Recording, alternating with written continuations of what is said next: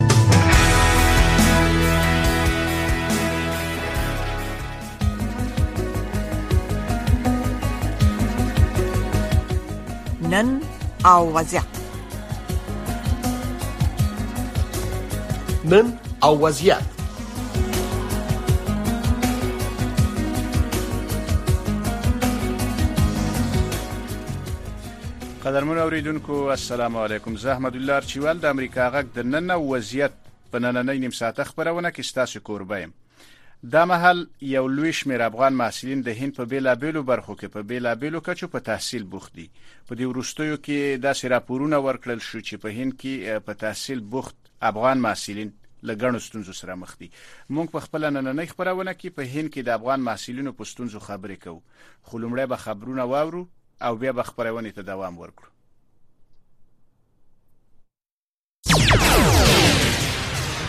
ویاند سید سلیمان شاه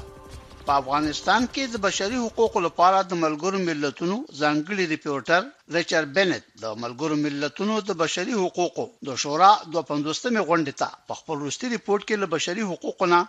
د جدي او پراخو سرغړونو یادونه کړې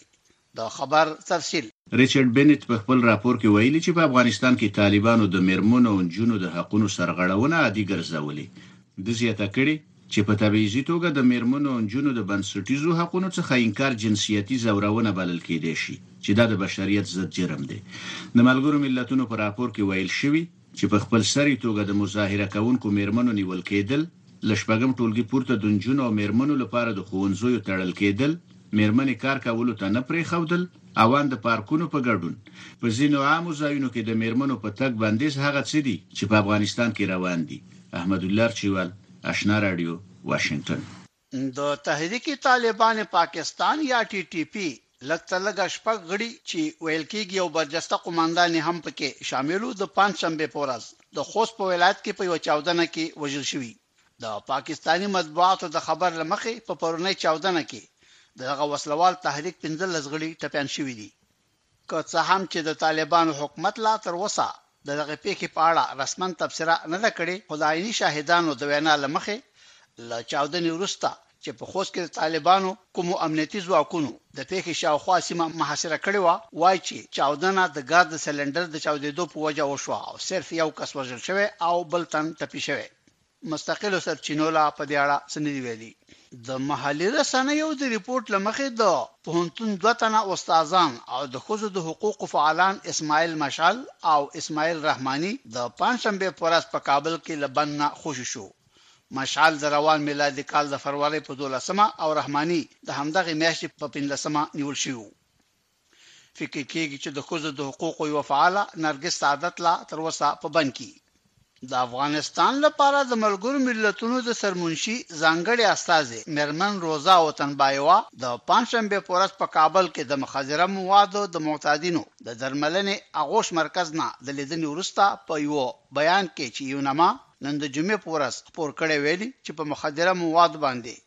د روږدي کېدو د مخنیوي، د شواهدو پر اساس درملنې او د مخدره موادو د تولید او اکمالولو پر خلاف د عملي اقداماتو ضرورت دی. د طالبانو د حکومت مطبوعاتي ویاند ذبیح الله مجاهد وايي چې د دوی رهبر مولوي هیبت الله اخندزاده د دفاع، کورنیو چارو، د بهرنیو چارو او د مخابراتو او معلوماتي ټکنالوژۍ او اطلاعاتو د وزارتونو سرپرستو وزیرانو سره په قندهار کې وکتل. د ملاقات په مهال د څو ولایتونو دیني عالمان هم موجود وو.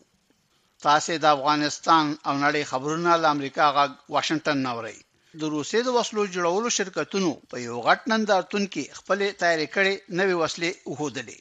د بریتانیې د دفاع وزارت جمعې په ورځ په په اوکراین کې د جنګ په اړه د ورځنیو معلوماتو د ورکولو په مهال ویل چې روسیې په دغه نندارتون کې د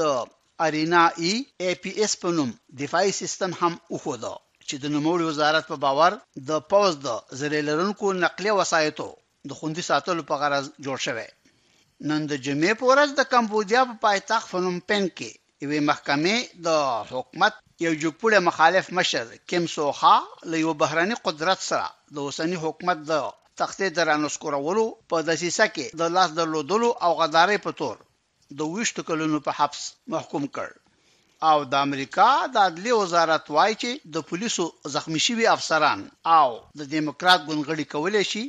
چې د دوه زره یوویشت میلادي کال د جنورۍ په شپږمه د بغاوت له امله د پخواني جمهور رئیس ډونالډ ټرمپ په خلاف په محکمه کې د تاوان دعواګانې دایر کړي. د عدلیې وزارت د پنجشنبې په ورځ د واشنګټن د استیناف یوې فدرالي محکمې ته د جنورۍ شپږمې حملو په اړه د تحقیقاتو په لړ کې د حقوقي اسنادو د حواله کولو په مهال د بیان د ازادۍ د حق پر بنسټ له قانوني مسؤلیت نه د ټرمپ دلایل رد کړل او استدعا یې وکړه چې محکمه دې د نوموړي پر خلاف پر دایر شوو دعواګانو غور وکړي. د خبرونو پای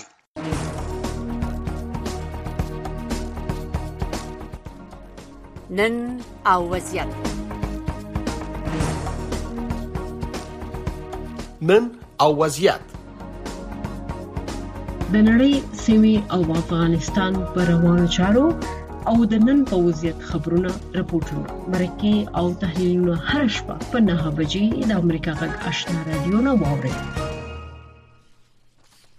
قدرمن اوریدونکو بیا هم مننه کو لکه څنګه چې مونږ ویل دا محل په هند کې یو لوی شمیر افغان محصلین په بیلابلو کچو په تحصیل بوخت دي په دې ورستیو کې داسې راپورونه ورکړل شوی چې د افغان محصلین ډول ډول ستونزې لري موږ په خپله نننۍ خپرونه کې د دوو قدرمنو مېلمنو سره ښاغلي عبیدالله وردګ چې دا مهال د ریاضۍ په څانګه کې د هند د جنوبي اسیا په پوهنتون کې په زده کړو بوخت دی او د ښاغلي ولي الرحمن رحماني چې په دفاعي او ستراتیژیکي اړیکو کې د ماسټرۍ د ماسټرۍ په کچه زده کړې کوي د دواړو سره په همدې موضوع باندې خبرې کوو قدرمنو اوریدونکو تاسو زمنګ سره اوسېږئ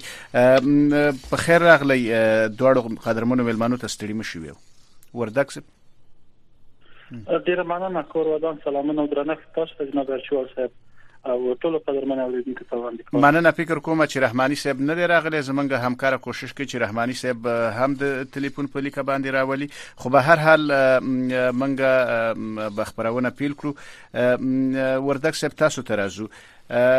ستاسو سداسي کوم احصایه یا داسې معلومات شته چې د محل په هند کې څومره افغان محصلین په زده کړو بوخت دي مننه جناب شیوا صاحب لکه څنګه چې تاسو معلومه ده چې په تیر شلو کلونو کې هند یو له هغو هیوادونو څخه و چې د افغانستان محصلین ته زیات سکالرشیپونه ورکول او د دې څنګه په شخصي ډول یا په خپل لګښت باندې هم محصلین کولای شي چې هلته زده کړې وکړي اوس کومې رسمي شمیرې چې د افغانستان د سفارت له لوري ورکړل شوې دي هغه دا دي چې موږ په هند کې دلته تقریبا تر 3000 پورې محصلین لري چې هغوی په هند کې موقعیت لري ټول تعداد د محصلینو تقریبا 15000 سره رسیدي چې د پاتې برخنو شي د هغوی په افغانستان کې د ویزې د ستونزې له امله نه دي کولای چې راشي هند ته یعنی هغوی محصلین دي په هند کې اما په افغانستان کې پنځه راغلي نه دي په هر حال په هند کې موږ تر 3000 پورې محصلین په بیلابیلو پوهنتونونو کې دولتي او خصوصي پوهنتونونو کې دومره محصلین لري خه داسې احصایه هم ستاسو سره شته چې په دې 15000 محصلین چې ټول کیږي چې د محل 3000 په هند کې دي په دې کې څومره نجونې او څومره هلکان دي د څه ډېر کارا احصایه نشته ده اما د سفارت د معلوماتو په اساس باندې چې په وخت مخکې وي د خبر کړي و نو تقریبا په دې کې تر 30 سره پوري نجونې دلته شته دي چې هغوی په زده کړو باندې لګیا دي خه په خو هند ته چې محصلین تل اکثر به لیسانس او ماستری غشتله به بیرته افغانستان ته تلل اوس تاسو په دکتورا باندې کار کوي د دکتورا په کچه څومره افغان محصلین په هند کې په تحصیل بوخت دي او دا نو د تیر یو کال یا د تیر دوه کلونو راهیسې په افغانستان کې چې د ورستي کوم تحولات راغلل نو ډېر زیات محصلین چې هغوی په وطن کې د ستونزو له امله نشوي کولای چې هلته لاړ شي او یا هم د دند ستونزه درلودل یا فکر کوي چې هلته به دند ورته پیدا نشي نو هغوی د کوشش وکړ کوم چې په لیسانس کې و چې هغوی له لیسانس نو وروسته خپل ماستری ته ادامه ورکړي په هند کې او کوم ماستری کې دی هغوی کوشش کوي چې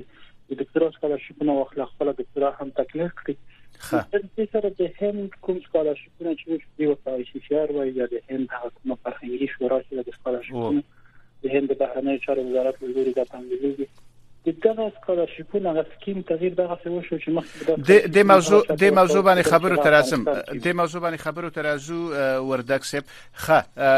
مهرباني وکړئ تاسو خپل خبرې بیا بیا دغه اوس تر تیرو دوه کلونو کې دغه سکیم د سکالرشیپونو دغه څه تغیر شو چې څوک په هند کې اوسېږي یا په هند کې پاتې کیږي کولای شي چې دغه سکالرشیپونو څخه استفاده وکړي نو بیا ډیر افغان مسلمان چې دلته یو هغه د دغه سکالرشیپونو په استفاده سره دلته شروع کړی دا نو تقریبا تیر کال چې کومه داخله شو یا اډمیشن ورکړل شوی و نو موږ تر شپږ ساعت پورې د ډاکټرا سکالرشپونه درلودل چې په لږ لږ کسان ورسره لیکنه کړې و او اډمیشن یې اخیست خه وردک صاحب تاسو پوهنتون هغه پوهنتون چې تاسو په الته په تحصیل باندې بوخت وي د جنوبي اسیا پوهنتون دا یو معتبر پوهنتون دی افغانستان هم د دغه هیئت مدیره په برخه کې یغه بورډ چې د په هغه کې استازیتوب درلود وسنه پویګم چې افغانستان وسم غړیتوب لري او کني لري خو که تاسو راته وي تاسو په پوهنتون کې څومره افغان محصلین په زده کړو بوخت دي موږ د موږ پوهنتون د نورو هندي پوهنتونونو سره د سکالرشپ هغه کوم سکیم چې وغه یو څه فرق درلود لکه تاسو یادونه وکړه افغانستان خپل په دې پوهنتون کې څلور دا ده شریک دی یعنی سهم لري او هر کال افغانستان ورته یو میلیون ډالر دی په هنسن تور کول البته د سارک سازمان له لوري چې سارک سازمان تاسو معلومات شي سیمه ییزو همکاري یو سازمان او د جنوبي اسیا په کچه باندې او په هیوادونو کې د نظم په کوانتون کې تر اتیا پورې موږ افغان محصلان دلته لرو چې په دې کې نږدې شپږ کسان چې د هغوی د مصرف کچه باندې زده کړې کوي او شل کسان دي دکتورا په کچه باندې زده کړې کوي یوازې تفاوت دغه راغلی دی چې ډیری کسان چې دلته دي په دې پوهنتون کې هغوی په انلاین بڼه باندې خپل زده کړې پیدا نه ورکوي ان دوی نشي کولای چې هند ته راشي نو په هند کې موږ چې کوم محصلین پاتې یو هغه تعداد هم تقریبا لاسو کسان ترسي یعنی د اتیا کسان له جملې نه موږ لاس کسان په هند کې پاتې یو او دا او یا کسان نور ټول یا په افغانستان کې یا یا د نور هیوادونو کې هم شته چې په انلاین باندې باندې خپل زده کړو ته دوام ورکړي خدا تاسو چې ویل چې تاسو په انتون کې اتیا محصلین دي افغان محصلین دي په دیو کې څو سلنه جون دي یا څومره جون دي او څومره کې هلکان دي او د موږ په د پوهنتون کې تقریبا د اتیاو محصلینو د جملې نه موږ دلته فقط تر 14 پورې انجونې لرو د کله د پوهنتون یو څه یو غیر دا چې دوی کله امتحان اخلي د امتحان وروسته یو سخت امتحان اخلي کوم سکالرشپ چې دلته ورکول کیږي په مالی لحاظ باندې هغه ډیر لوړ نه دی نو ډیری کسان ورته ځنه کوي چې دلته مراجعه وکړي نو بیا د انجونو لپاره چې کوم دی نو هغه بعضی نور سکالرشیپونه شته چې انجونو لپاره په مالي لحاظ باندې هغه ته ډیر سپورټ او ملاتړ ورکوي نو ډیر انجونې به نور په انټرنیټ ته دي بیا هم د موږ د اتیا محصلین د جملې نه تر څوار لاسه پورې انجونې دلته شته چې هغه کې درې جونې چې دی درې خويندې چې دی هغه د دکتورا په کچه باندې زده کوي او پاتې نه رشي دی وایي د ماستري په کچه باندې زده ښه څه مو د وړاندې داسې راپورونه ورکړل شو چې په هند کې په تحصیل بوخت افغان محصلین د ستونزو سره مخ دي که تاسو راته ویوي چې هغه ستونزې چې په هند کې اوس افغان محصلین مخ دي هغه کومې کومې دي په هند کې د افغان محصلینو لپاره لمړنۍ ستونزه چې ده هغه د دوی د ویزو ستونزه وه څو وخت مخکې چې کله د دوی د تحصیلي دوره ختمېږي نو وروسته لغې نه چې بل تحصیلي دوره شروع کیږي نو دا کومه خالیګا یا ګټ چې ده د دې لپاره دوی ویزې نه لري نو بیا د مختلفو لارو نه ورباندې فشار راځي چې تاسو باید یو ویزا واخلئ یا به د مالی جریمه ورباندې راځي هغه اور چې ورته وایي نه ویزې نه د هغه شي د پاتې کیږي نو دا ستونزې وې چې د سفارت له لوري هم څه همکاري وشوله بحثونه وشول خپل د هندي بلا بلا ادارو لارې هم د هم همکاري او همغږي رامنځته شوله تر یو حد پورې دا مسله حل شوې ده دا مسله چې د داسې د سکالرشپونو کمښت یعنی تعداد د محصلینو ډیر زیات دی سکالرشپونه شي لږ دي نو ډیری محصلین سکالرشپونه په لاسرسي نه لري یا سکالرشپ ورته نه ورکول کیږي نو د مالی لحاظ باندې خو څه څه ستونزمنه ده چې خپل د زده کړو لګښت او د خپل د اوسېدلو لګښت پوره کړم ښه بل څه ټول مهمه او اساسي ستونزه چې دا هغه د هغه مسلین د چې په هندي پوهنتونونو کې مسلین دي او په افغانستان کې بند دي ښه ان تر ټولو نه عمده ستونزه د دغه مسلین د چې دوی ویزه نه ورکول شي او هغوی نشي کولای چې څک په دغه راشي نو یو ځنای اپشن چې ورسره دغه د انلاین سپورت چې باید ورته ادامه ورکړي کړي نو دا د کیفیت تر څنګ چې آنلاین زده کړې د کیفیت هغه څه نه وی لکه په حضوري زده کړو کې چې بل څه دا چې په شي کله دوی د اسناد وخت لري د خپل ډیګري په لاس کې هغه چې کله افغانستان ته وړي نو په افغانستان کې دغه ارزیابي او معادله یو څه ستونزمن کیږي یعنی په افغانستان کې د لوړ زده کړو وزارت د دې ډیګري معادل د لیسانس یا د ماستري نه حسابوي ځکه یو شرط لري چې تاسو ته زده کړې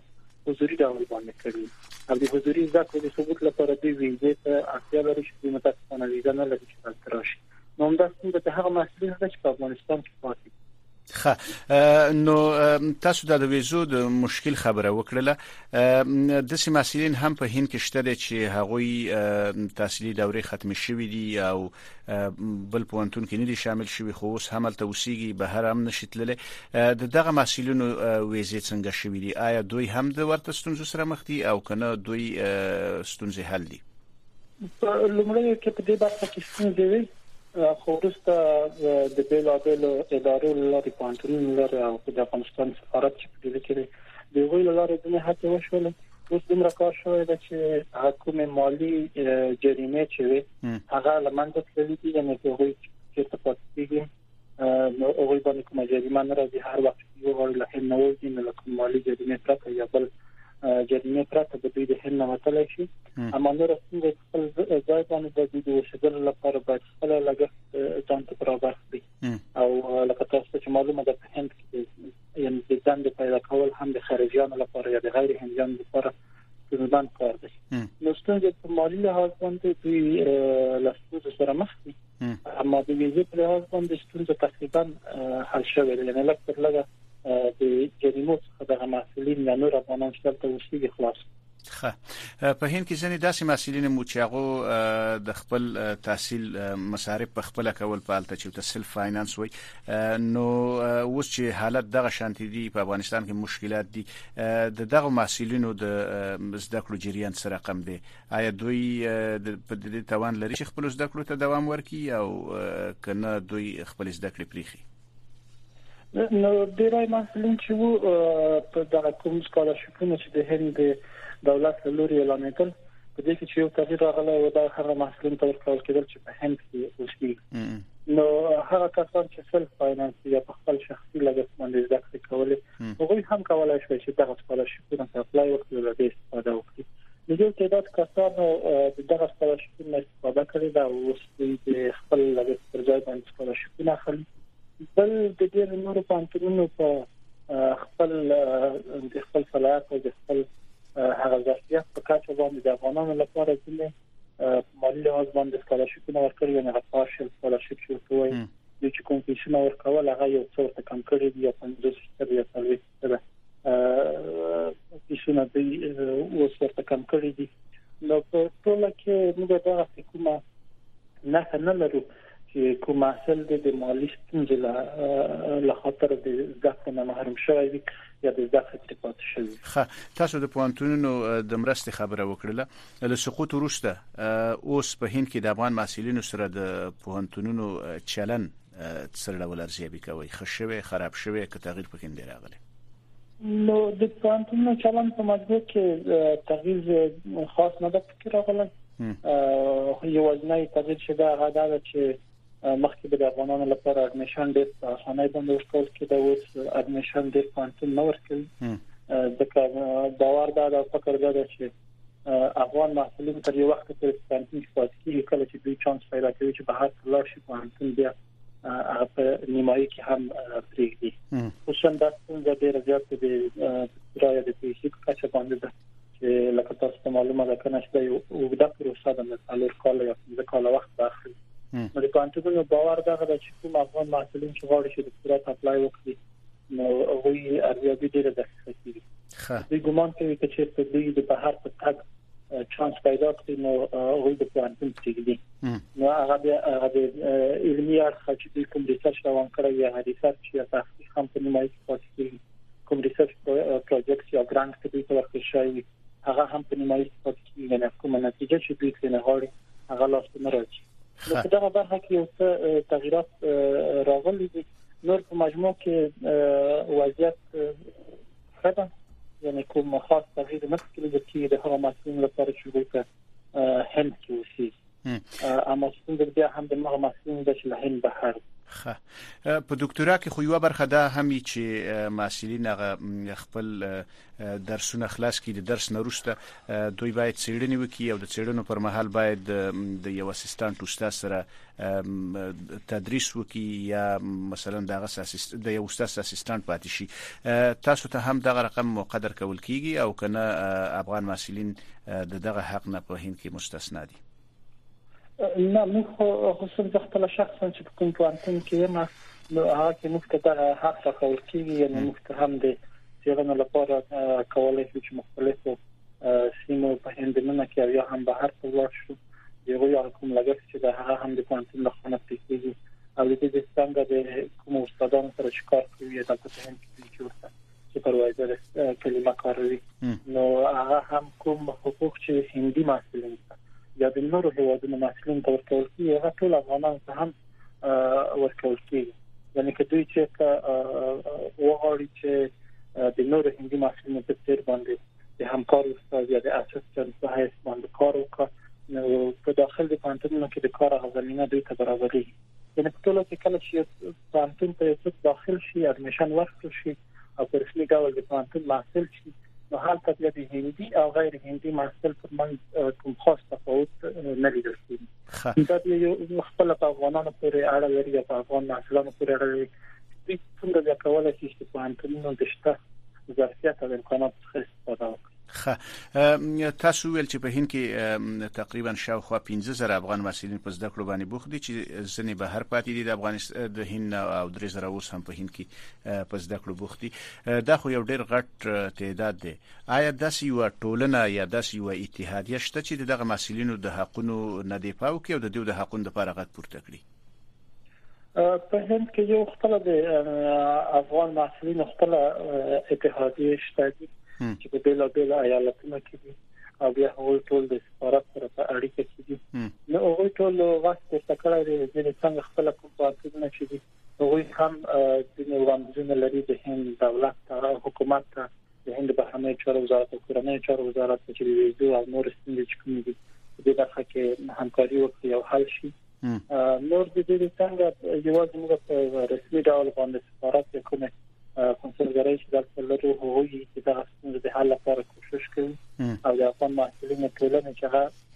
یعنی کومه رسمي ټولنه نه ده د هند د دولت سره یا د پانتون سره ثبت نه دي خالي افغانانو د خپل ستونزو د حل په خاطر باندې یو تشکل رامنځته کړی دی چې دا ستونزې ور باندې حل شي همدغه ټولنه د مسولینو او د دې څنګه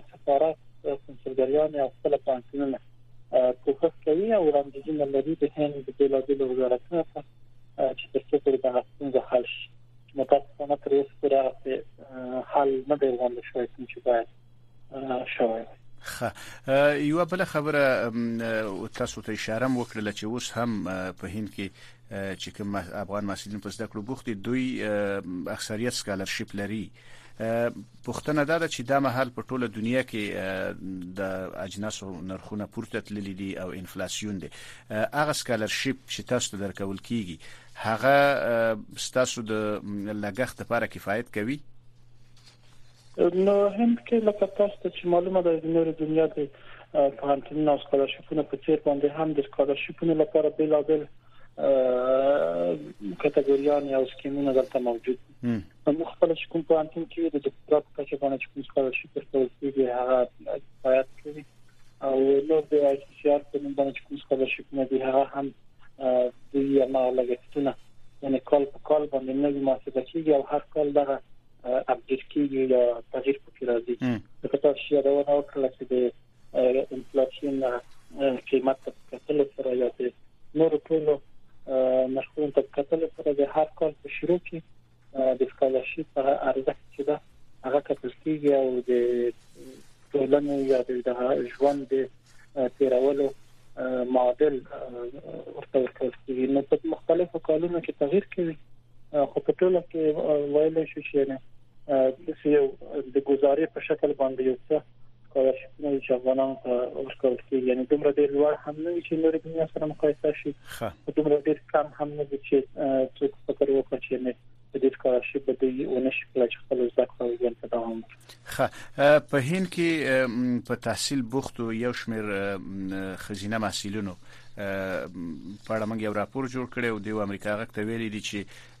دوی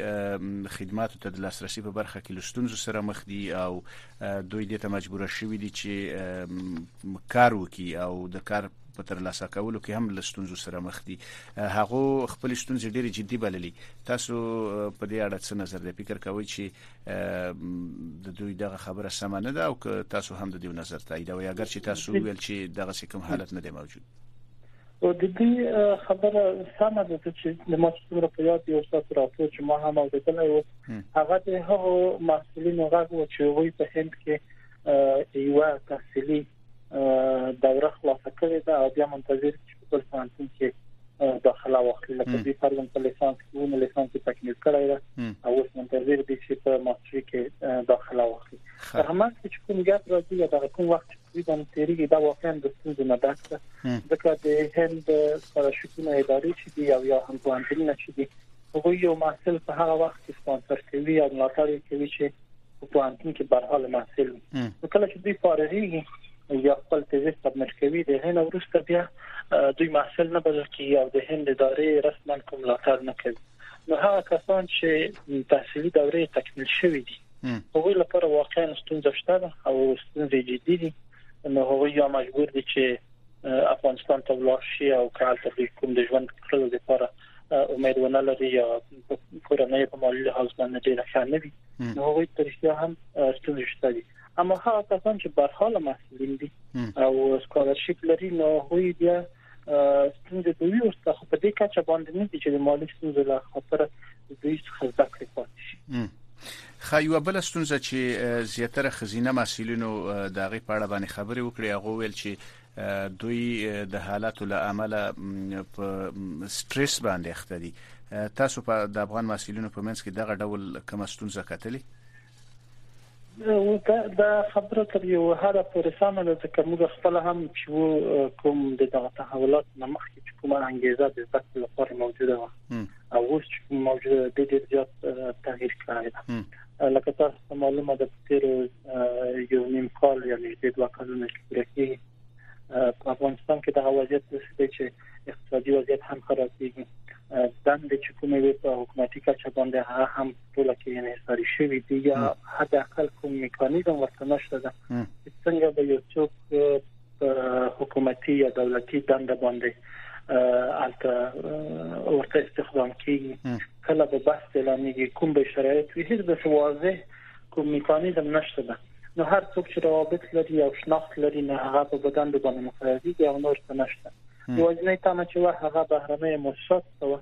او انجوګانو ته چې هغه کې به افغانان وکولای شي وروسته افغانان چې دندې وکړي خو هغوی هم د بیلابیلو ستونزو له امله خپل پروژې درولې دي خپل فعالیتونه درولې دي نو په ټوله کې د زده کړو په هکله باندې د مسؤلینو سره کوم انګیزه چې وه هغه ډیره ضعیفه شوې ده او مخکې د ټولو فکر دا و چې موږ چې په انټرنیټ نه فارغېږو نو زه د افغانستان په واسطه خدمت کوم اما اوس د عملا ګوري چې په افغانستان کې هغه کسان په بیلابیلو لوړو چوکیو په مسلکي او تخنیکي بحثونو باندې ټاکل کیږي چې هغه اصلا د هغه برخې وړتیا نه لري یا رسما هیڅ کوم سند د هغه نه دی ترلاسه کړی نو دا ټول ستونزې شته دي او د محصلین د انګیزې لارخه ستونزې لري او دوی په سټریس کې هم دي د خپل دند لپاره د خپل آینده لپاره نو همدغه ټول چې سره راټول شي علت دا چې ډېری محصلین خصوصا خدینه محصلین چې د دوی لپاره ښوونځي پوهنتونونه او د کار کړلو ډیره زیاته مننه وردک صاحب زموږ د خبرونه وخت هم دومره او ستاسو نه ډیره زیاته مننه کوم چې موږ سره خپل نظریات شریک کړل تاسو ته بریالیتوب غواړو او هیله ده چې په هند کې د میشتو ټول افغان مسولینو ستونزې حل شي قدرمن اوریدونکو ستاسو نه هم مننه کوم چې زموږ خبرونه مو اوریدله خو وختونه ولرئ